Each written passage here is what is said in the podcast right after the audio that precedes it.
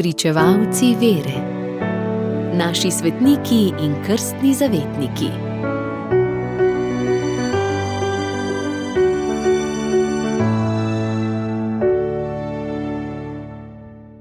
Danes zgoduje sveta Adelaida, za katero je sveti Odilo Kliniski zapisal: Imela je mater vseh kreposti, preudarnost, razsodnost, uvidevnost, obzirnost, tisti dar razlikovanja, jasnega pogleda, ki v vsakem položaju z gotovostjo spozna in obseže, kar je bolj važno in popolnejše.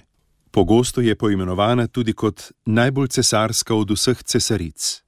Za vladarsko službo je bila določena že po rodu. Rodila se je leta 931 burgundskemu kralju Rudolfu II. in njegovi ženi Berti Švabski. Ko je bilo šest let, je umrl oče. Kmalu zatem je prišel na dvor lombardijski kralj Hugo, ki se je poročil z udovo. Sina Lotarja pa je zaročil z mlado kraljično.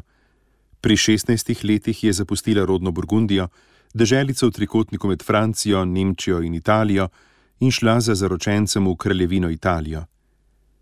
Mladi vladarski par se je hitro pridobil ljubezen lombardskega ljudstva, nakopal pa si je smrtno sovraštvo grofov v severni Italiji. Najbolj nevaren nasprotnik kralja Lotarja je bil grof Berengar. Vse kaže, da ga je dal zastrupiti. Sebe je dal koronati za kralja, 19-letni vdovi pa predlagal, da se poroči z njegovim sinom. Ko je to nesramno ponudbo zavrnila, je jezni Berengar mlado kraljevsko vdovo oropal vsega imetja. Dal jo je zapreti in mučiti. Njeni prijatelji so poklicali na pomoč nemškega kralja Otona, ki je z močno vojsko vkorakal v Italijo, in Berengar je zbežal. Oton se je prišel pokloniti kraljici Adelaidi in jo prosil za roko. Svojim novim možem je šla v Nemčijo, kjer si je pridobila srca podložnikov. Z Otonom jo je vezala iskrena ljubezen, čeprav je bilo med njima 20 let razlike. Pri pomembnih vladarskih zadevah mu je bila ob strani kot modra svetovalka. Leta 965 je bila skupaj z možem v Rimu kronana za vladarico s cesarskim naslovom. Adelaide ni posegala v Otonove politične odločitve, svoj vpliv je hotela uveljaviti, kadar je šlo za crkvene ali kulturne naloge. Na njeno prošnjo je bilo ustanovljenih več samostanov in crkva, tudi šol. Po smrti moža, cesarja Otona, je zavladal njun najstarejši sin Oton, ki mu je bilo 18 let.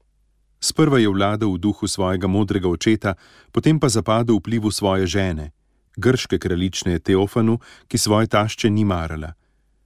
Še huje je bilo za njo, ko je umrl tudi sin Oton, njegov sin Oton III. pa je bil še premlad, da bi zavladal. Šopirila se je snaha Teofanu, ki pa je nenadoma umrla in tedaj je morala Adelaida spet prevzeti vodstvo cesarstva. Brško je vnuk Oton III. dosegel polnoletnost, se je z dvora umaknila v samostan v Alzaciji, kjer je 16. decembra leta 999 umrla. Ljudstvo jo je takoj po smrti začelo častiti kot svetnico. Ime Adelaida pomeni plemenita, plemenita oseba.